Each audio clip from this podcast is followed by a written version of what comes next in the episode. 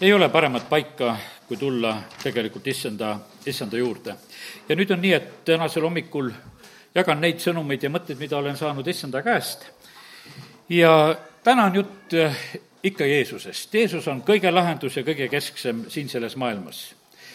see maailm otsib lahendusi ja see maailm otsib lahendusi tag-, tagurpidi ka. kas või siin ütleme, selle maailma sellised rikkad ja, ja ilusad ja targad nad otsivad täiesti tagurpidi. Nad mõtlevad sedasi, et inimkonna hävitamises on lahendus selle planeedi jaoks, selle, selle eh, maa päästmine ju tegelikult käib ja, ja selle nimel leitakse, et kuule, et, et rahvast on liiga palju, et rahvast võiks olla vähem. kõik läheb käiku, lähevad abordid käiku, lähevad sõjad käiku, lähevad igasugused bioloogilised relvad käiku ja, ja seda tehakse justkui sellisel õilsal eesmärgil. ma ütlen, et meil on nagu noh, ütleme, vahest lausa ehmatav kuulda sedasi, et milliste plaanidega tegelikult inimesed tegelevad. tegelevad sellega, et kuidas, kuidas seda eh, inimkonda siin selles maailmas eh, hävitada. aga meie issand on tulnud hoopis teistpidi plaaniga, tuli inimest päästma sellest kõige suuremast probleemist, milleks on tegelikult patt ütleme, see teine pool ei mõista sedasi, et patt on probleemiks.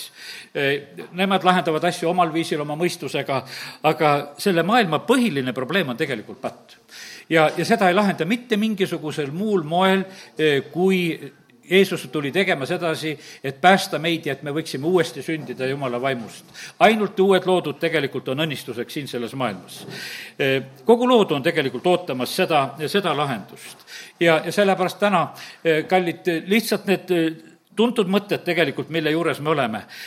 issand on lahendus, issand on päästja, see ilmutus tegelikult peab jõudma inimesteni. see on asja lahendamine tegelikult õigest otsast, õigel viisil. Äh, inimest Jumal tahab panna tegelikult peaks. Äh, ja mis mõttes? selle kaudu, et meie koondume tegelikult Kristuse kui pea alla sõna ütleb sedasi seal Vanas Testamendis, et ma tahan teid panna peaks, aga kuidas seda peaks panna saab?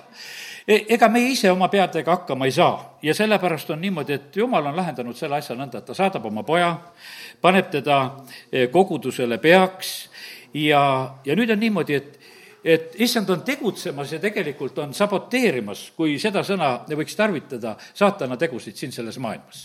sest et mingil määral, eks see saboteerimine on selline varjatud tegemine. ja ma saan aru sellest, et ega me kogudusena oleme ka varjatud tegemises siin selles maailmas. see ei ole päris avalikult ja üheselt arusaadav, mida kogudus siin selles maailmas teeb no paljud mõtlevad sedasi, et noh, kogudus on nagu mingisugune heategevusorganisatsioon. et noh, aitavad siin inimesi, kellel on äh, hädad ja puudused ja, ja, ja kes on nõdrakesed ja kõik mis iganes. ei, see ei ole absol-, absoluutselt ei ole, ei ole see nõnda. vaid tegelikult on kogudus, on võimas Jumala plaan, mille koha pealt äh, Jeesus ütles, et põrgu väravat seda ei võida. E, see on, see on nii võimas tegelikult jumala plaan, aga ta põhimõtteliselt on siin siiski sellises nagu ühes salajases olukorras. sest lihtsalt inimesed, kes me tuleme e, siia kokku, e, kes me issandat teenime, austame, ülistame, ega selles ju ei osata tegelikult näha seda nii suurt jumala plaani. aga kiitus Jumalale, see on võimas jumala plaan, see on päästeplaan see on tee tegelikult isa juurde, kes on taevas ja, ja see, noh, ütleme, et et me jõuaksime isa juurde, see on põhi, põhiline eesmärk tegelikult. Jeesus ütles, ma olen tee isa juurde. ja, aga ma usun sedasi, et meie, kes me oleme selle tee peale tulnud, me kogeme juba tegelikult eh, selle õnnistust. selle tee peal on ka tegelikult hea olla sest et vaata, kui sa oled õiges suunas liikumas, kui sa oled õige tee peal, no see on iseenesest, on see tegelikult väga meeldiv. kui sa, kui sa oled õige tee peal, kui sa oled õiges suunas liikumas, mis siis, et sa ei ole kohale jõudnud. aga tead, eh, sa alati võid tegelikult rõõmustuda siis, kui sa tajud sedasi, et sa oled õige tee peal ja õigel suunal. mäletan seda, kui aastaid tagasi läbi Poola sõitsime ja autoga ja noh, ma üldse ühe korra sealt niimoodi autoga sõites olen läbi käinud ja, ja siis eh, noh, sinna läksin nagu sellist keskset magistraali mööda ja sõitsin sinna Saksamaa poole tookord niimoodi, et, et läksime nagu keskset teed mööda. seal olid viidad olemas, seal oli, kõik oli korras, seal oli väga lihtne tegelikult liik-, liikuda, sellepärast et noh, et seal oli kõik hästi suunatud tagasi tulime sakslaste soovitusel, et ärge minge seda keskmist teed mööda, et seal röövitakse ja seal on palju ohtlikum ja noh, see oligi teil tegelikult selline aeg, kus need asjad sündisid. minge sealt põhja poolt ja, ja minge need väikseid teid pidi ja noh, mulle midagi seal kaardi pealt näidati, et kuidas ma läheksin. No oli aeg, kus neid igasugu GPS-e ja värke noh, ammugi ei olnud, kaart oli. Ja me sõitsime ja sõitsimegi seda teed mööda. hästi ilus oli, hästi ilusad kohad olid, e, palju vaiksem oli sõita, vahepeal oli selline külavahet, ei saa aru üldse, et kas siin palju elugi on, et, et vaiksed ja ilusad kohad olid, kus me liikusime. aga üks teine häda oli ka, teeviitasid ka polnud. et seal oli niimoodi, et oli risttee ja mitte ühtegi viita ei ole. E, sõida, kuhu poole sa iga, iganes tahad.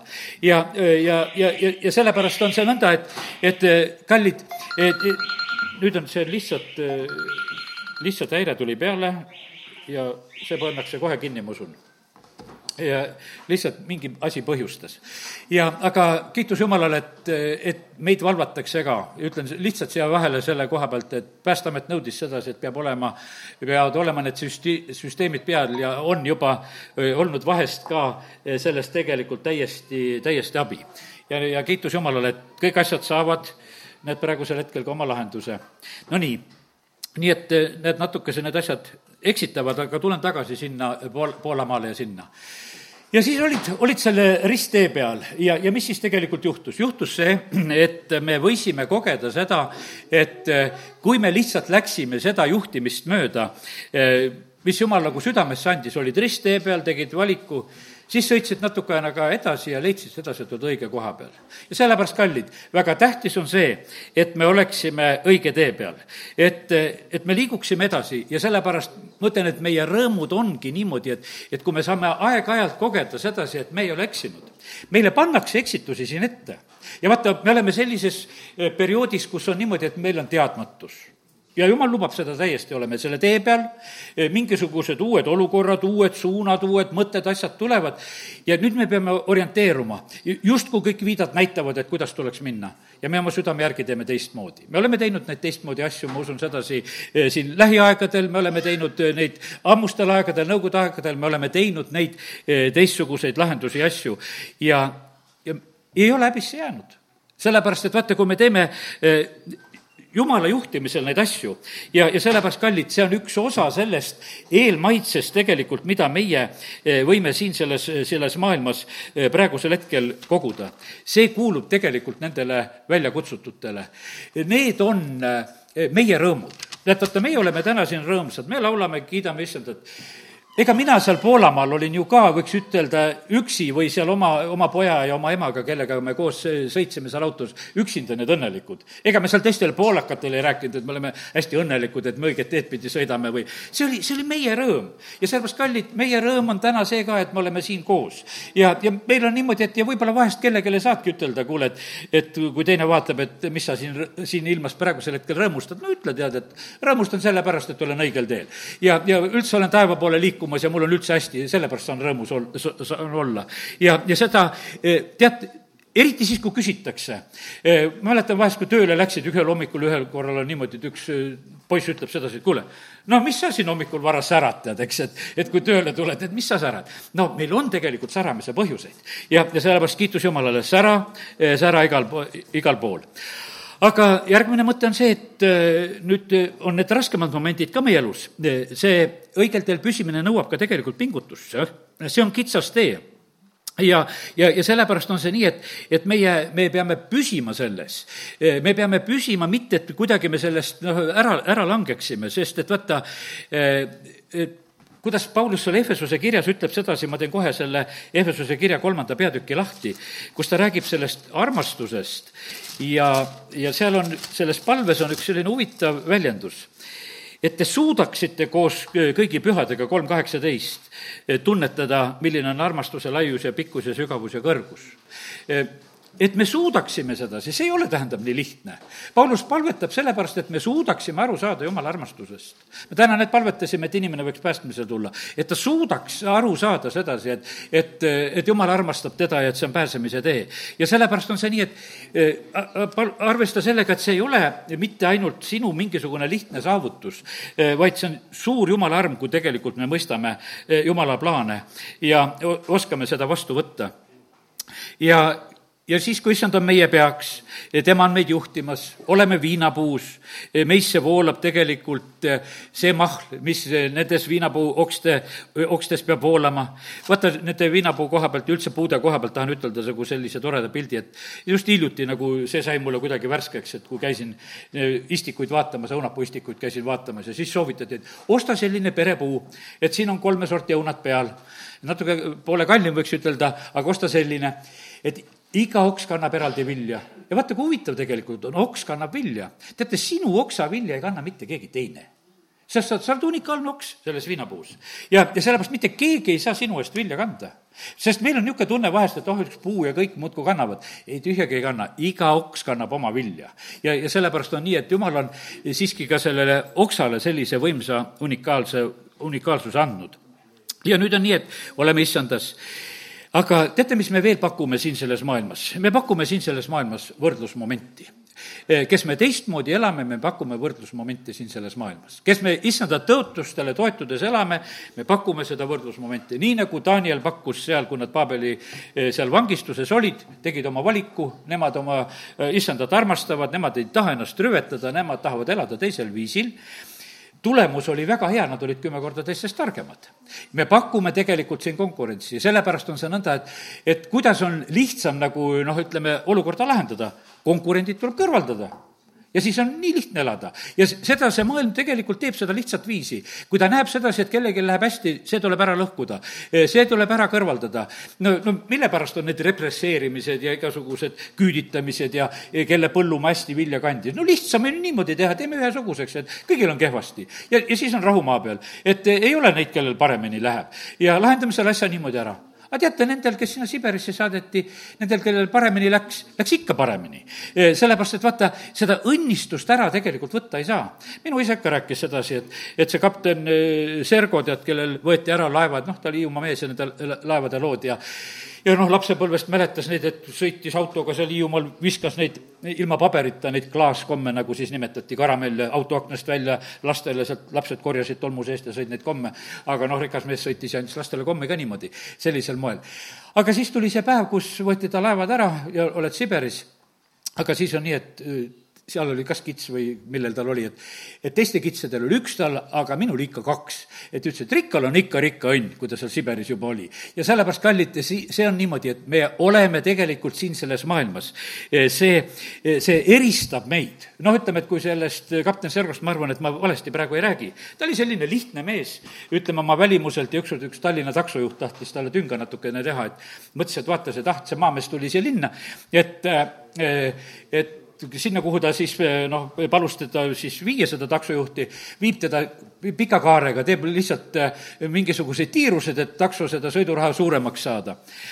No ta tundis linna küll, et teda petetakse praegusel hetkel, et ringi tiirutatakse ja viiakse ja, ja siis ta lihtsalt taksost väljudes ütles, et ütles, et aitäh linna näitamise eest, aga kui on mingisuguseid pretensioone, siis pöörduge selle Sergo kontori poole ja sealt tasutakse teile ära. et ei maksnud ka sellel korral. et küsi siis laevakontori kaudu juba maksu selle linna näitamise eest. ja sellepärast, kallid, niimoodi see on, et me elame siin teistmoodi siin selles maailmas. meid võib-olla peetakse niisugusteks makateks, kes me midagi ei tea. ja, ja sellepärast, ja ma usun sedasi isegi, et mingil määral ma mõtlen sedasi, et vaata, meie lapsed, kes kasvavad, kes kasvavad koguduse keskel, nad kasvavadki täis tähistada teistmoodi vaata, kui nad lähevad, eh, lähevad koolidesse või kui nad noh, ütleme, et lähevad üldse nagu esimesse kokkupuutesse siin selles maailmas või kes läheb lasteaeda või kooli või, või kuskile, eh, siis nad tegelikult hakkavad kogema nagu seda, selle maailma nagu teistsugust olemist. sest et nemad lähevad nii siiralt, nii nagu oli koguduses, nii nagu oli peres, muudkui armastavad, laulavad, on, tunnistavad, nad on kohe selleks valmis. ja mitte mingisugust probleemi ei ole. ja, ja see on niimoodi, et see on, teistele on see selline arusaamatus, et kust koha pealt niisugune tuleb. aga kallid nad tulevadki tegelikult eh, sellest jumala riigi keskkonnast, kus me siin selles, eh, selles maailmas oleme. nii et oleme julgelt siin selles maailmas. aga julgustame lapsi, aga ütleme sedasi, et ärge pange tähele ka sedasi, kui vahest eh, maailm naerab. sest et põhimõtteliselt on see tegelikult suur tegelikult selline, kuidas ütelda, kadeduse naer, sellepärast et see maailm tegelikult mõistab küll, et meil on midagi rohkemat ja, ja paremat antud ja vaenlane ei soo-, ei suuda seda jumala plaani hävitada, nagu ütlesin. põrguväravad ei võida. aga nüüd raskused. jumal lubab neid raskusi ka, mille keskel me siin selles maailmas oleme. ta, ta lubab neid, see tegelikult puhastab kogudust raskused puhastavad kogudust ja, ja see, noh, see võib-olla tundub nagu kurb, et miks see niimoodi peab olema. Nad tulevad igasugused eriolukorrad, tulevad sõjaolukorrad, tulevad, eh, tulevad haigused ja hädad, tulevad piirangud, tulevad kõik need momendid inimestest üle. ja nii sageli on niimoodi, et see tegelikult eh, viib inimesi jumalast eemale. Nõukogude Liidu aeg oli, ütleme, selline, eh, paljudele kristlastel oli see prooviaeg. olid osad, kes tulid noorena, tulid jumala juurde, aga siis, kui üldine hoiak oli selline, kus jumalat ei tunnustatud ja ja öeldi, et teda üldse ei ole, häbeneti ka, elati, elati nagu teis, teisel moel, püüti seda nagu peita. oli neid, kes absoluutselt seda peitmist ei teinud, elasid julgelt, elasid eh, rõõmsalt ja õnnistatult, aga issand lubab tegelikult neid, eh, neid selliseid raskusi, neid asju, kus meid pilgatakse, neid olukordasid, kus meid meelitatakse, lubatakse meile teatud asju. Ja aga need ongi meie valikud, mida me siin selles maailmas peame tegema ja siis tuleb välja, kas me oleme täiuslikult juurdunud sellesse armastusse. kas sellest armastusest võib kergesti meid välja tõmmata või, või ei saa. ja, ja sellepärast on see nii, et kui me tõeliselt juurdunud pole, siis on väga lihtne tegelikult meid kätte saada. nüüd üks selline natukese võib-olla kurvem pilt, mis tuleb silma ette täna hommikul, kui issand ees olen saanud niisuguse pildi. et vaata, evangeeliumi kuulutus on läbi aegade, ma mäletan seda, et kunagi noh, ütleme, et kui eh, meie Koguduste Liidu vanempresbüüter Robert Võsu ammustel aegadel, ta oli selline ajaloolane ja oli meie liidu juhiks ja, ja ütleme, et selline mees oli, ma mäletan, et kui ma olin üsna noor ja ütleme, et noorena kuulsin tema suust ühte niisugust ütlemist, siis see mind nagu häiris. ta rääkis ärkamisaegadest ja ta ütles niimoodi, et et palju tuli, ja palju läks kaduma, palju läks minema. Ja mul on niisugune tunne, et, et vend, kas sul nendest paljudest, kes kaduma lähevad, kahju ei ole, tead, et kuidagi sa noh, ütleme, ta sellise suure rahuga, ta hästi rahulikult ka niimoodi toredasti rääkis rääkis sellest, kuidas paljud tulevad ja kuidas paljud lähevad ja, ja asi niimoodi siin käibki. aga issand täna tuletab mulle meelde, et Mattiuse kolmteist, vaata, seal on need põllumaad, on need kivised ja on need ohakad ja ja, ja, ja on need noh, ütleme, teeäärsed seal, eks, kuhu iganes külvati. ja seal on, pane tähele, kolm põllumaad, eh, noh, kus, kus see seeme läheb raisku. külvatakse ja mitte mingisugust tulemust ei tule. mõni kohe raisku, eh, kuulis, kohe läinud teisel on natukest aega oli rõõmu, aga tulid raskused, tulid kiusatused, tuli tagakius sõna pärast. vaata, siis loobutakse. no ma ei hakka täna seda lahti tegema, see on nii, nii tuntud tähendamise sõna, eks meile. ja, ja kallid, see nii juhtub. kui oli, ütleme, see Eesti Vabariigi teistkordne sünd, siis eks, e, mis siis oli, siis oli palju kogudusi ja, ja oli palju rahvast. Ja seda oli paljudes paikades, ütleme siin endise Nõukogude Liidu aladel ja kohtadel. ja, ja paljudes kohtades, kus olid väga suured, ütleme, liikumised ja tööd, e, siis praegusel hetkel nad on, paljud on üsna pisikeseks jäänud ja seal ongi niimoodi, aga ma usun sedasi, et ustavad on sinna ka järgi jäänud. ja, ja sellepärast kiitus Jumalale, et, et tegelikult need olukorrad ja elud, nad midagi sõeluvad aga ega nad tõelist armastust kunagi välja ei sõelu. ja sellepärast on see nii, et, et me peame sellega arvestama, et, et kes ikkagi väga sügavale südamesse võtab, kes päriselt usub, kes toetub, siis need jäävad püsima. Jeesus räägib, eks Mattiuse evangeeliumi selles oma jutluse lõpus, mäejutluse lõpus, et tulevad tormid ja tuuled. ma täna nähtavasti räägin, sealt Soorus räägin nendest tormidest ja tuultest, tundub, et see aasta on tegelikult selline tormide ja tuulte aasta. no me oleme tänu ütelnud Jumalale, et vaata, meil ei ole selliseid vetevoogusid praegusel hetkel, et ära uhub meie põldusid ja, ja majasid ja autosid ja aga paljudes paikades praegusel hetkel ne, need asjad ujuvad. sest tulevad need tormid, tulevad need veevood. lihtsalt on vaja, et tuleb üks suur vihmapaling ja asi hakkab äh,, hakkab niimoodi sündima. aga, aga issand ütleb sedasi, et, et tulevad tormid ja tuuled ja, ja need kontrollivad alust Need kontrollivad alust, mis on liivale ehitatud, puhut-, puhutakse kõrvale ja uhutakse kõrvale, aga mis on kaljule rajatud, see, see jääb püsima.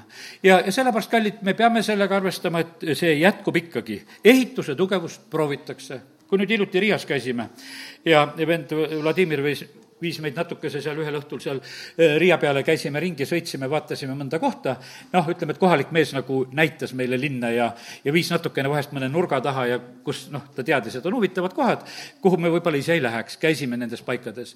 aga siis, kui me seal jõe ääres seisime, siis ta rääkis sellest uuest Riia sillast, mis on. ütles, et kui see sild sai valmis, siis seda silda katsetati niimoodi, et, et eh, liivaga täidetud kamassid nii palju, kui selle silla peale mahtus. ma saan aru siis mõlemas suunas ja ütles, et terve see sild oli täidetud tegelikult täiskoormuses veoautodega, noh, sellel hetkel olid need Kamassid, olid need, need suured autod. ja prooviti, et kas see sild peab vastu ma usun sedasi, et sellel inseneril ja sellel peakonstruktoril ja, ja kes iganes, et noh, sellel oli see ju eriline hetk. et no miks niimoodi proovitakse, võiks ütelda, et no kas siis kuidagi leebemalt ei saaks. et aga kallid proovid ongi tegelikult maksimaalsed asjad. ja, ja silt pidas vastu siis me vaatasime, et natukene on praegusel hetkel rostetanud juba mõni detail, et võib-olla oleks juba, eh, võib-olla midagi vaja seal uuendada või teha. aga et sellel hetkel eh, see, see pidas, pidas vastu. ja sellepärast nii ta on, et, et jumal lubab neid proovisid. ma olen palju rääkinud, olen Hiopi raamatust rääkinud ja, ja mis raamat see on? see ongi see proovide raamat. jumal lubab neid maksimaalseid proovisid. hiljuti kuulasin siin pastor Jüri Kusmini ühte jutlust, kus ta rääkis sellist huvitavat teemat ta rääkis sedasi, et temal oli ka nägemus, kus ta nägi nagu sellist nõupidamist, eh, mis, eh, mis toimub riikide ja rahvaste koha pealt. ja seal oli niimoodi, et noh, et igal riigil oli nagu mingisugune oma saatkond ja kus seda toimetati, seda, eh, seda, seda lugu ja, ja siis oli nii, et, et, et seal olid pimeduse jõud ja seal olid äh, ka, ütleme, jumala lapsed koos, mõlemad pooled olid. ja ta ütles, et see proportsioon oli selline, et üks tuhandele, pimeduse jõudusid oli rohkem. ja, ja seda, seda jumala riigi poolt oli tegelikult nii vähe ja ta ütles sedasi, et üks võidab ära tuhat ja sellepärast pole mitte mingisugust lugu. ja, ja põhimõtteliselt on see niimoodi, et ega meie oleme siin samamoodi rahvana, eh, oleme siin selles maailmas nagu sellises, eh, sellises proportsioonis, et ega meid ju palju ei ole, eh, kes me südamest usume. aga kallid, see on tegelikult väga-väga võimsalt mõjumas. no see tuletas meelde, muidugi see lugu tuletas väga meelde sedasi, kuidas Abraham kaupleb seal Soodoma pärast ja, ja, ja sellepärast, kallid, meie oleme vastutamas tegelikult selle eest, mis siin selles maailmas toimub ja, ja sellepärast on see nõnda, et, et meie eh, inglid ei olnud, ütleme, eh, otsustajate hulgas. inglid olid valvamas, et mingisuguseid, et mis käskusid täita. inglid ei tule, eh, noh, ütleme niisama, nad ootavad käsku Nad ei tegutse oma pead ja sellepärast on nii tähtis on sedasi, et, et meie ka samamoodi oleksime need, kes me räägime välja jumala sõna, räägime tõotuse asju. siis on niimoodi, et inglitel on tegelikult jumala sõna alusel on tegelikult õigus tegutseda eh, siin selles maailmas ja, ja sellepärast kiitus Jumalale, et, et näed, nad on olemas, nad on valvel. aga meie oma vastutus on tegelikult, on, on väga, väga suur nii et jumal lubab proovida oma koguduse usku ja ta proovib ka seda eh, vahest, eh, kui meie eh, üksinda ja isiklikult peame minema läbi mingitest raskustest. aga teate, mis üks ilus lugu on? tänase sõnumi selliseks pealkirjaks panen sellise asja, et, et lõpp on hea. lõpp on hea, see on täiesti kindel, et lõpp on hea sest et loe eh, piibliraamatut eh, paljudest kohtadest, me näeme, no võtame ilmutuse raamat, väga tähtis, eks, et lõpp on hea, seal on uus taevas, uus maa, uus Jeruusalemm, õigus elab seal sees, midagi valet seal ei ole, midagi rüvedat ja kõik on seal, kes on kirjutatud talle eluraamatusse, ütleme, et pisaraid ei ole, probleeme ei ole, kõik on saanud minevikuks ja nii et lõpp on väga, väga, väga hea. ja, ja sellepärast täna, eh, täna meie kuulutame ja räägime sellest ka, et lõpp on igal juhul hea, lõpp on väga ilus. aga teate, millal need asjad ilusamaks saavad? Hiopi lõpp oli ilus, eh, mille tõttu, kui ta oli läinud raskustest läbi. Eh, teen, kas on Hiopi raamat mul siin, jah? teen Hiopi raamatu lõpu lahti. issand on see, kes pöörab Hiopi saatuse, kui ta palvetas oma sõprade eest, see on Hiopi nelikümmend kakskümmend ja issand andis Hiopile kahekordselt kõike, mis tal oli olnud, vennad tulevad ta juurde, vennad ja õed ja kõik, kes teda enne olid tundnud, võtavad koos temaga leiba, igaüks andis talle kaaluühiku raha ja ühe kuldrõnga. ja issand õnnistas tema viimast põlve enam kui esimest. ja, ja siis on need loomade arvud, palju tal oli ja, ja, ja tal pere kõik uuesti, aga lõpp, kuusteist, seitseteist pärast seda elas Hiop veel sada nelikümmend aastat ja nägi oma lapsi ja oma lapselapsi neli põlve ja mina usun sedasi, et see ei olnud selline vanaduse nätrusest nägemine, vaid et, et olgugi, et on öeldud edasi, ta suri, olles vana ja elatunud, aga siin on öeldud, et ta nägi. ta tähendab ikkagi, sai sellest asjast aru. ta näeb neli põlve oma järeltulevat sugu ja ma usun sedasi, et, et vaata, see on nagu sellisel hetkel tegelikult hakkab see nagu see õnnistus nagu kohale jõudma. kui sul on selge meel ja mõistus ja kui sul on nagu selline õige suhtumine Jumalasse ja, ja siis on see üks ilus tegelikult elu lõpp olid korraks kannatused, aga pärast seda läheb tegelikult ilusamaks. ja sellepärast ma tahan täna sulle ütelda, kui sul on mingisugune proov või kannatus, siis mõtle niimoodi, aga pärast seda läheb ilusamaks, sellepärast et vaata, kui sa oled sellest, oled läbi läinud, sest et viletsused on siin selles maailmas. kes on need, kes tulevad sealt suurest viletsusest? Need, kes oma rüüd on talle veres pesnud, seisame palmioksad käes, oleme seal taevas, kiidame issandat Jeesust seal eh, taevas.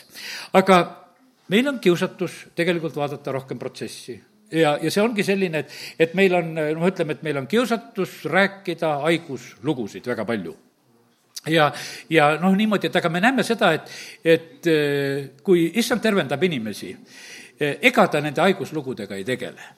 veritõbine naine tuli, ta oli kõik ära raisanud, meile lihtsalt räägitakse sedasi, eh, võtab usus kinni sellest kuuepalistusest ja ütleb naisele, kuule, see usk on sind päästnud.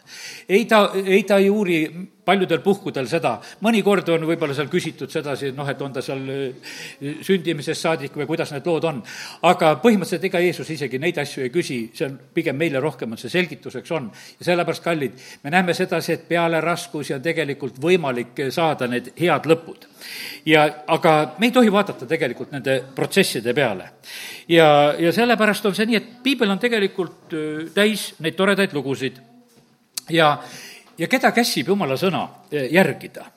me peame järgima neid, eh, pannes tähele neid, kes meile kuulutavad jumala sõna, pannes tähele nende elu otsa. pannes tähele nende elu otsa, ma ikka vahepeal mõtlen selle peale. praegu ma siin kuulutan jumala sõna. aga jumal, kuidas on elu ots? sest su sõna ütleb sedasi, et, et, et järgida usku, kuidas on elu ots. ja, ja siis on niimoodi, et ma, ma ikkagi mõningaid korrad palun jumala käest, jumal, jäta mulle selge meel ja mõistus ma palun sedasi, et jäta, et ma suudaksin sedasi, aita, et ma ära ei kivistuks, et lihtsalt rumalaks ei läheks siin selles elus, sest et vaata, see vanal inimesel on ka nii lihtne mingisuguseks enesekeskseks ära kukkuda ja ega ta sellest ise aru ei saa. sellepärast, et, et vaata, see sageli on niimoodi, et isegi usuinimesed sedasi, mul on südames ja, ja tead, ja nii on õige ja need on meie argumendid. aga mis see tähendab, et sul on südames? Mida see tähendab, et mul on südames? me oleme harjunud tegelikult elu ümber enda ringi paika panema, mul oli lihtsalt südames. ja sellepärast ma käitusin nii, mul südames aga mis su südames oli? Jeesus ütleb, et seal südames võib olla kõike. seal võib olla halba ja head. hea inimene võtab heast tagavarast ja halb võtab halvast tagavarast. no mis siis, et sul see halb oli? ega see ei õigusta su tegu, et sul on niisugused asjad südames, et sina võid olla kurjategija ja kiusata teisi. Paulusel oli, pool elu oli südames mingisugused teised asjad. kõik olid hädas temaga, kes temaga koos olid. ja eriti kristlasi muudkui vaenas. ja, ja kindlasti ma usun sedasi, et ega nendel teistelgi seal kerge ei olnud koos temaga. aga nüüd on see nõnda, et, et kui, kui me süda seda saab korda, siis, siis on hoopis uus lugu. ja sellepärast ma loen selle Hebra kolmteist seitse ka et ja, ja ma arvan sedasi, et seda on väärt meil eh, tegelikult igalühel eh, ka mõelda. Eh, ja siin on niimoodi, pidage meeles oma juhatajaid, kes on teile rääkinud jumala sõna, pidades silmas nende elukäigu lõppu. võtke eeskujuks nende usk, võtke eeskäiguks nende tulemus, kopeerige seda, kuidas nendel läks. nüüd on niimoodi, me kõik oleme jumala sõna rääkijad äh, kellelegi, kas oma peres, kas lähedastele, töökaaslastele ja, ja sellepärast on see niimoodi, et eks see läheb täide me kõikide koha peal. inimesed jälgivad ja vaatavad, äh, kuidas on. Äh, praeguses ajas maailmas inimesed, noh, ütleme, kui käivad kõrgkoolides ja kohtades, õpetatakse igasugu filosoofia, nende mõtteviisi ja värke aga no valdavalt nende eluotsad ei kannata üldse rääkimist, kuidas nad lõpetasid. räägitakse nende mõtteid vahest ütleme, kui oled seal kuskil niisuguses usuteaduslikus seminaris, siis julgeb keegi nagu ütelda seda ka, et kuidas nende lugu lõppes. kurvad lõpud tegelikult. aga inimesed järgivad nagu nende õpetusi ja mõtteid ja asju. ja, ja sellepärast on niimoodi, et tuleb nagu seda, seda tähele panna, sõna ütleb sedasi. ja, ja elu lõpp on tegelikult hindaja. ja, ja sellepärast täna me oleme selle tee peal, me tunneme rõõmu. aga tähtis on võidule jõuda. ja, ja sellepärast on nii, et olgu see meeldetuletus ka. nii et ära vaata protsessi peale, mis su elus on, ära kurvastu sellest. tähtis on, et sa võidukalt jõuaksid lõpule Mooses ühel päeval tõstab oma silmad tasu peale, siin on ju Hebra kiri on lahti, üksteist peatükk kohe räägib sellest, üksteist kakskümmend viis kuni kakskümmend seitse ta helistas pigem vaeva näha koos jumala rahvaga, kui ürikest aega nautida pattu. sest Egiptuse aaretest suuremaks rikkusest pidas ta teotust Kristuse pärast, sest ta tõstis oma silmad tasu, tasu poole. usus jättis ta maha Egiptuse, kartmata kuninga raevu, sest otse kui nähes nähtamatut, püsis ta vaprana. ja läbi aegade on see selline. ja vaata, kui huvitav on siin öeldud, et Moosesel oli Kristuse teotus. ja sellepärast on see niimoodi ka, et, et noh, ütleme, et, et, et see Kristuse teotus on, on selline. noh, siin hiljuti üks meie armas vend tunnistas ja rääkis sedasi, et kuidas noores põlves teda ka baptistiks hüüti ja, ja nimetati. Ja ma täna, täna räägin nagu selle mõtte siia välja. kui see vabadus tuli, mul olid siis niisugused teatud huvitavad asjad olid. no oli see vasevarguse aeg, oli üks asi ja, ja, ja siis oli niimoodi, et et meie koguduse nimi oli sellel ajal oli evangeeliumi kristlaste baptistide Võru kogudus, selline pikk nimi. no mina mõtlesin, et hea küll, et kui seal, see oli üks eelmine pastor oli selle ilusa väga tahvli teinud, niisugune suurem vaskne tahvel oli seina peal ja siis ma ühel päeval niimoodi mõtlen ja ma ei tea, palju ma seda teistele ütlesin ka, et noh, et niikaua, kui see vask siit ära varastatakse, nii kaua on see nimi, aga kui ära varastatakse, siis võime teise nime ka panna. no varastatigi ära. no sellest, no kuule, Kreutzoti pealt varastati ka neid tähtesid ja värke ja kõik läks, sest no vask oli sellel hetkel nii tähtis, kõik läks, läks meie tahvel ka. ja, ja siis ma omast arust mõtlesin, ma panen eh, kogudusele lühema nime, et panen Võru baptisti kogudus. ja arutasime lausa koguduse rahvaga, tead, mis huvitav lugu oli? Vanad usklikud tahtsid sellest baptisti nimest lahti saada mille pärast? sest neid, neid oli noorena kiusatud selle nimega. Need, kes olid alles usule tulnud, nendel oli suva, tead, käib küll see nimi. et eh, oleme, oleme need baptistid, noh, kui ära selgitasid ka, et tähendab ristijad, no ristijate kogudus, Võru ristijate kogudus, no polegi väga hullu, eks. et võib sellise nime all elada ka. ja noh, ja siis oli nii, et eh, ma ei mäleta, kas me päris hääletasime, igatahes aru sain, et eh, enamus on selle poolt, et jäägu Võru baptisti kogudus ja, ja ma arvasin, et ma tegin lühema nime et teen Võru baptisti kogudus. Ja, aga ei, tead, eh, siis saime kaks korda baptisti nime sinna sisse, siis tuli evangeeliumi kristlaste baptistide eh, tead, ja selle liidu Võru baptisti kogudus, et kaks korda saime sisse, sest et riik liitis veel topelt need sõnad kokku, nii et me oleme topeltbaptistid praegusel hetkel siin oma ametli-, ametliku nimega, nii et saime topeltnimed oma lühendiga. Läks, läks nõnda. ja no nii, nii me siin oleme, saame pilgata, saame naerda.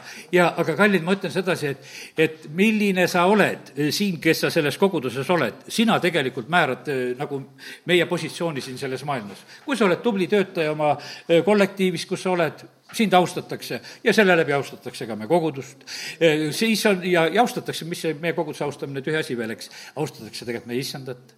sest et vaata, kõik sa oled ju see tegelikult, see visiitkaart siin selles maailmas. ja, ja sellepärast täna ütlen sedasi, et jah, on vaeva, eh, jah, on teotamist ja, ja peame olema usus ja, ja sellepärast nii see on. Eh, Jeesus ütleb eh, kord, kui noh, ütleme, ta on nagu jüngrite juurest lahkumas juba, see on Johannese kuusteist kakskümmend üks, toob ühe sellise näite, ütleb, et kui naine on sünnitamas, siis ta meel on murelik. ja eks saab neid murelikke päevi ka meie eludes. ja, ja siis siin on öeldud nõnda, kui naine toob last ilmale, eh, siis ta on murelik, sest eh, tema tund on kätte jõudnud. aga kui ta laps on sünnitanud, ei tuleta enam eh, meelde oma vaeva selle rõõmu pärast, et inimene on sündinud maailma. ja sellepärast, Vallid, vaata nende murede järel ja vaevade järel on tegelikult, on rõõm. jah, on vaev ja, ja palju vaeva ja, ja kiitus Jumalale tublide emade eest, kes on valmis lapsi ilmale kandma ja kes on seda eh, teinud ja teevad. ja sellepärast see on, see on tegelikult väga võimas asi. selles on muret, selles on vaeva, aga me näeme sedasi, et lausa Jeesus toob selle, selle protsessi, toob, lihtsalt toob eeskujuks, ütleb, et see on tegelikult väga võimas. aga ta ütleb sedasi, et see mure tegelikult muutub rõõmuks. ja, ja sellepärast see silmapiltne kerge viletsus, eh, mis siin selles maailmas on, see saavutab tegelikult eh, igavese ja suure, suure au ja, ja nii ta on, igat kogudust tabab siin selles maailmas omad, omad raskused ja asjad. aga põhimõtteliselt on need asjad, mis teevad meid ilusamaks. kerge elu ei tee meid ilusamaks ja, ja sellepärast nii see on meie ilusaks tegemine käib, kuidas ütelda, kui ma tulen veel selle juurde, et vaata, nagu sellise pastor Šapovalov hiljuti tarvitas, ütles, et sinus on väärtus. Olgugi, et sa võib-olla oled üsna tahumata kullakamakas alguses, et noh, leitakse sind, jumal leiab sinu. sa oled üks parasjagu tahumata tükk oled niisugune. aga siis hakkab sinu sulatamine, tegemine, et kõik see muu saaks ära ja lõpuks saab ilusaks. aga vaata, algusest saadik on tegelikult, on see väärtus ega ütleme, et kui see suur kullakamakas, seal võib-olla pärast on natuke vähem, palju vähem seda kulda, mis seal ju järgi jääb, aga see väärtus on ju tegelikult sama. väärtus on kullas, mitte selles muus rämpsus. ja sellepärast, kallid, issand on näinud meid, et äh, tema on valmis meid tegelikult äh, puhtamaks tegema ja, ja põletama ja valmistama ja kogu seda, seda protsessi nagu heas eesmärgil nagu tarvitamas ja nii ta on, issand lihvib neid kalliskivisid ja eks lihvides kivikene jääb ju väiksemaks. aga põhimõtteliselt on see nii, et, et äh, ta muutub ka äh, väärtuslikumaks. ja sellepärast on see protsess on käimas ja sellepärast ma ütlen täna, hoia oma positsiooni. kui sa oled kord saanud äh, tulla Jumala riiki, hoia seda, ära lase seda käest ära võtta. sellest, et selle peale käib tegelikult mäng. seda kätte saada sest et mõelda selle peale, et ah, mis kasu on sellest jumala teenimisest, mis kasu on sellest jumala teenimisest, jah, on kasu küll. ja, ja sellepärast ja, ja mida rohkem teenid, seda, seda kasulikum on. teeni teda lakkamata, see jumal, keda sa lakkamata teenid, see sind aitab tegelikult. ära pane endale selles asjas tegelikult mingisuguseid piiranguid oma mõistuses. ma mäletan, üks mu noorepõlve sõber, noh, käisime koguduses ja noh, et vanasti oli niimoodi, et õhtul ja hommikul olid meil koosolekud, no meil ka saate sooru tulla. ja sa saate õhtul ka tulla. aga põhimõtteliselt oli see niimoodi, et tema ütles, et kõrraga saab palju, noh, Võrumaa poiss oli siin, et kõrraga saab palju. ja, ja tegi endale nagu sellist piiri ja ega see kõige paremini, see lugu ei lõppenud tema elus. ja sellepärast, kallid, ei saa palju, teeni issandat ja teeni kogu südamest. ja, ja sellepärast ei saa nagu selliseid asju teha, et, et sul saab midagi palju, ei saa jumala sõnast eh, mitte kunagi tegelikult meil palju. ja, ja sellepärast see, see on meile, see on meile õnnistuseks. nii nüüd äh, keeran lehekülgi siit tagasi ja olen ikka nende samade mõtete juures, et äh, lõpp on kõige parem asi. Äh, teate, üldse tead, mille pärast on asi hästi, et viimane sõna on issandal. viimane sõna ei ole meil sest et vaata, kui Jeesus ka räägib sedasi neid lugusid, ütleme seal kas või seda, seal ütleme seda talentide lugu, kellele anti talendid, ma teen lahti Mattiuse kahekümne viienda peatüki korraks ja seal on see kes oli hästi nende talentidega kaubelnud, tema saab sellise eh, toreda ütlemise, eh, kakskümmend viis, kakskümmend üks. ja, ja issand lausus talle, tubli, sa hea ja ustav solane, sa oled ustav olnud pisku üle, ma panen su palju üle, mine oma isanda rõõmupeole. ja sellest ma, ma saan teile julgelt ütelda sedasi, et meid ootab ees rõõm me siin laulame rõõmulaule, püüame rõõmustada, vahest hüpp-, hüppame, plaksutame, noh, püüame nagu seda äh, rõõmu nagu teha nagu kaasa ka, no see on selge. aga see on täiesti selge, et, et meie lõpp on rõõmupeol sest et äh, lihtsalt jumal on niimoodi selle planeerinud. no ei saa teisiti olla, kui me taevasse jõuame kord, no igal juhul on äh, rõõm seal, seal teist asja ei ole. jumala riigis on õigus rahu ja on rõõm ja see on pühas vaimus. ja, ja midagi me maitseme selle tee peal juba ka. ja, ja sellepärast me teatud määral rõõmustame juba siin. aga see ootab meid tegelikult ees. Hiopi näite juba tõime, ta elu lõpp oli väga, võiks ütelda, palju rõõm, rõõmsam. Eenok kõnnib koos Jumalaga ja issand võtab teda ära. Enokist on vähe räägitud, aga noh, põhimõtteliselt on see niimoodi, et, et, et see kindlasti oli ilus. üks me kogu sõde ei tahtnud surra ja ema tahtis samamoodi, et issand ta ära võtaks nagu Enoki. ja ta vist Helja moodi päris ei tahtnud tuliste vankritega, aga, aga ta, ta ütles, et kõnnin, kõnnin ja võtab ära. et noh, et ja, ja tõesõna rääkis, ei ta suri ära, tead, jumal kinnitas teda ja ta läks usus ka. aga ma mõtlen, et ta oli armas õdeme koguduses ja, ja soov oli selline, sest nagu surm talle nagu eriti ei meeldinud ja sellepärast tal oli niisugune Enoki variant sobis nagu rohkem. ja, ja, ja mõtle, mõtles selle peale. ja ja meie nüüd seda Enoki rõõmu eh, lõpuni ei oskagi nagu ette kujutada, et kuidas, eh, kuidas see nagu toimus, sest ta kõndis, kõndis ja ühel päeval, näed, issand võtab teda ära. Eelia eh, lugu, noh, ma ei tee neid kohtasid kuskil praegu lahti, eks. Eelia lugu oli selline, tulised vankrid. me näeme, kui, kui adekvaatne oli Eelia. Tal olid ülesanded, tal on see, Liisa käib seal muudkui järgi ja ja tead, ja tahab seda õnnistust saada ja tahab topeltõnnistust saada ja tal on noh, niimoodi ja käib seal paigast paika ja noh, ütleme, see lõpp tundub Heljal nagu üsna niisugune rahutu, küll läheb üle jõe ja ja, ja siia-sinna muudkui toimetab seal edasi-tagasi. ja, ja siis tuleb see hetk, kus tege-, tegelikult teda issand ära võtab. sest et ta sai samamoodi nagu aru sedasi, et see lahkumisaeg on käes ja, ja otsis seda kohta ja hetke, millal see on Moosesest, kes otsustas jätta need Egiptuse aarded ja näha jumala rahvaga vaeva. kuidas oli Moosese lõpp? Moosesel olid riiklikud matused. jumala riiklikud matused olid tal. sest et kui lugeda, kuidas on Moosese surm, ma teen viienda Moosese raamatu lõpu, see raamatu lõpp kirjutab Moosese surmast meile ka. ja kolmkümmend neli, neli, issand ütles temale kui ta oli viinud sinna teda Neebo mäele, e, e, sinna Jeriko kohal. ja, ja siis on nii, et e, neljas salm ütleb edasi ja issand ütles temale, see on maa, mille ma vandega tõotasin Abrahamile, Isakile, Jakobile, öeldes, sinu soole ma annan selle maa. ma olen lasknud sind vaadata oma silmaga, aga sinna sa ei lähe olgugi, et ta oli see Abrahami järglane, ta oleks võinud sellele maale saada, aga noh, ütleme, teatud probleemid tekkisid, aga issand ütles, ma luban sul vaadata seda, vaata mäe otsas seda. Ja nüüd on niimoodi, et kui ta vaatas, siis järgmine salm ütleb, et ja issanda sulane Mooses suri seal Moabi maal issanda sõna kohaselt. ja ta mattis tema orgu Moabi maal Peetpo-, Peori kohale, aga tänapäevani ei tea ükski tema hauda nii et vaata, milline oli tema, tema selline lõpp oli selline. mõni ütleb, et ärge, ärge pälg-, pärgasid ja lillesid tooge, Moosesele üldse varianti ei jäetud.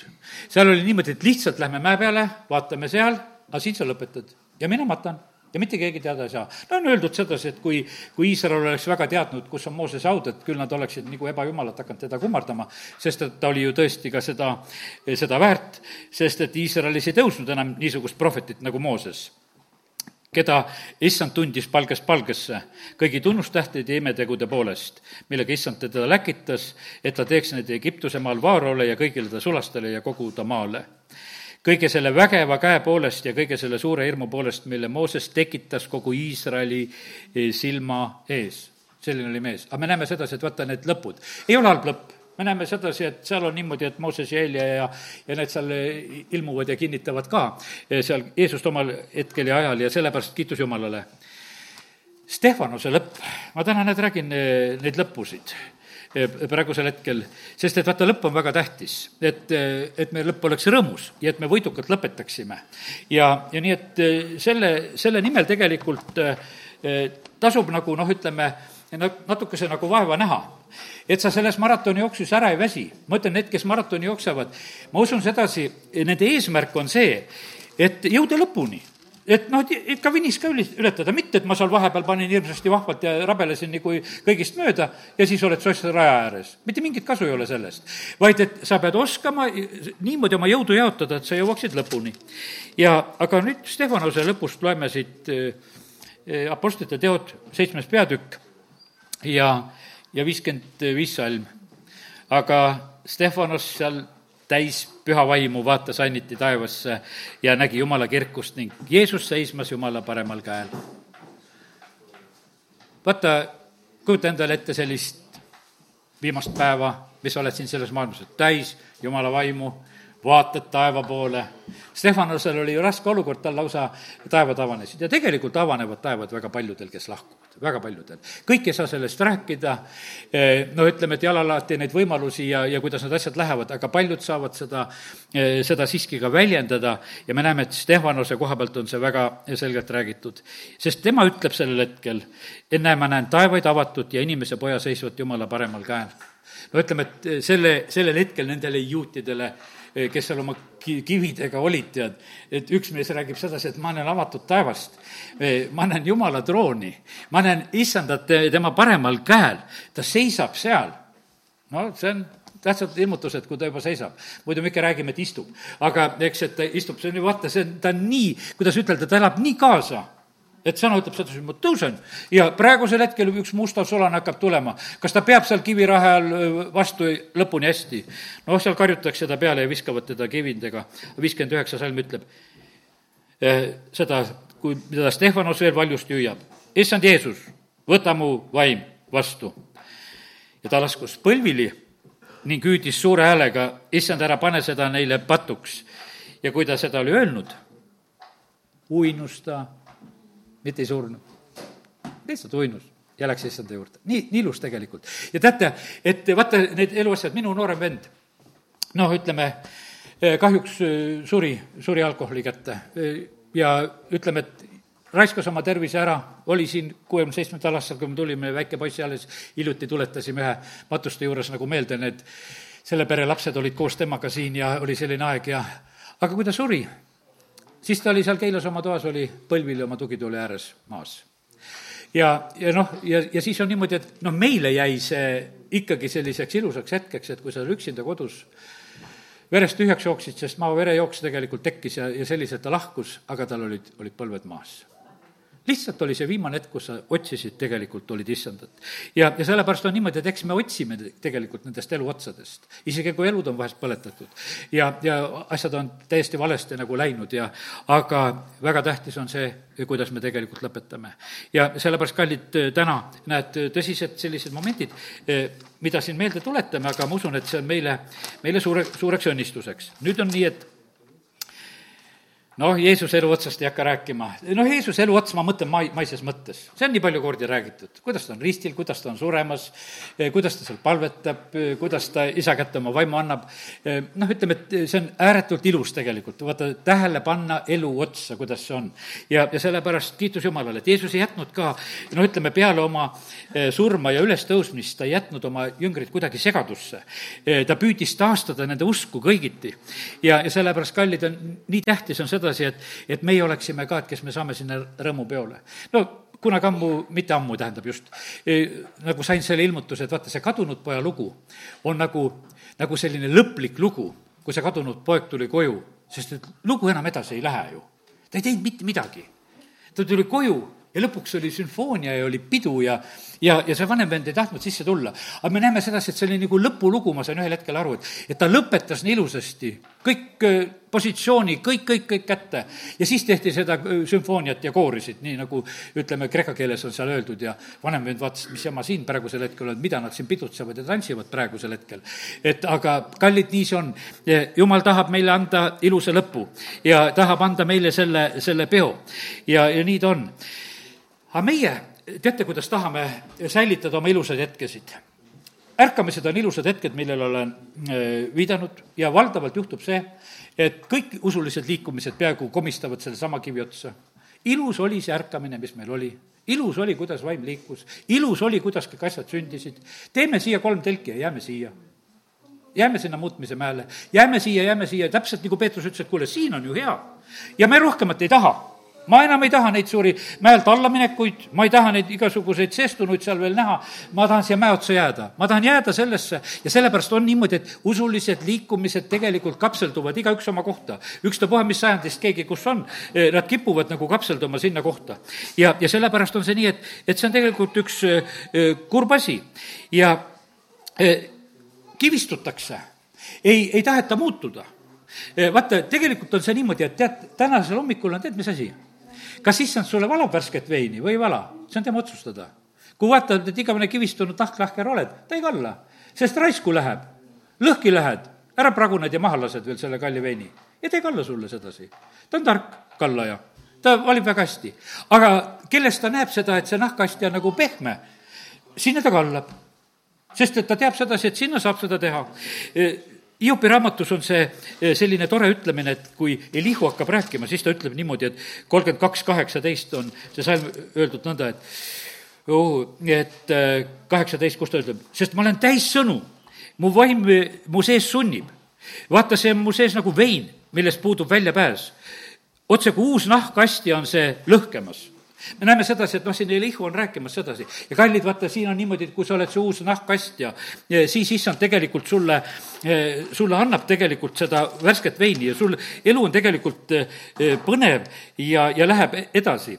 aga teate, mis juhtub nendega, kes on need vanad kivistunud astjad ja need nahkastjad, need niisugused?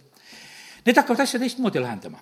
Need hakkavad neid nahkastjaid kaunistama ja sellepärast on see niimoodi, et koguduste elud muutuvad kauniks. Muudkui kaunistatakse. vaata, kui issand on kohal, mitte midagi kaunistada vaja ei ole, sest issand on isu, ise ilus oled sa keldris või oled sa järve ääres või oled sa tänaval või, või kus kohas, metsas koguneda või vahet ei ole üldse, kohast ei ole lugu. oled kodus või vahet, kus see iganes on, igal pool on hea. sest kui issanda kohal on, kõik on hea. aga kui juba läheb asi selliseks, et vaata, et meil ei ole muidu head, me peame hakkama seda kaunistama, et meil peab olema hästi ilus kirik. hiljuti mulle keegi just ütles, et teate, me kirik remonditi ära, et meil on nii ilus kirik on nüüd nii. no ei, mul oli ka hea meel, aga ma ei ütelnud mitte midagi. aga kallid, no mis aitab see, et kui sa ütlesid sedasi, et käisin Võrus palvel, hästi ilus palvel oli. et küll olid ilusad põrandad ja laed ja seinad ja et halleluuja. aga mis see sind aitab? mis see sind aitab? Mine käi neid kaubanduskeskusi pidi ja kus kõik läigib ja klantsib ja on ilusad ja no mis see, mis see sind eriti aitab? Ja sellepärast on see nii, et kallid, meid aitab tegelikult kõige rohkem see, et, et kui me saame oma issandaga kohta kokku, siis me tegelikult ei nagu ei mäletagi, ei teagi, mis, mis seal ümber oli, see ei olegi tegelikult eh, tähtis asi. aga, aga see suur ilu on tegelikult, on niimoodi, et noh, seda püütakse küll ütelda, et me seda kõike teeme issandale me seda kõike teeme issandale ja sellepärast peab olema. mu isa oli ka, ütleme, väga nõudlik jumala koja koha pealt, aga tal oli selline, kuidas ütelda, tal oli selline lihtne ilu. see lihtne asi pidi lihtsalt korras olema tal ei olnud mitte mingisugune probleem noh, niimoodi lihtsaid asju teha, aga ta tahtis neid teha, et olgu need hästi, et, et olgu korralikult tehtud vähemalt ja kogu lugu. aga kus läheb kaunistamiseks, kus ei ole enam seda lihtsat ilu, sii-, seda lihtsat asja, vaid on seda ilu vaja, no seal on tegelikult tunnistus sellest, et on midagi puudu on midagi puudu. kui nooruse ilu ära kaob, no siis peab seda kuidagi hakkama lihtsalt taastama ja seda taastatakse, midagi teha ei ole.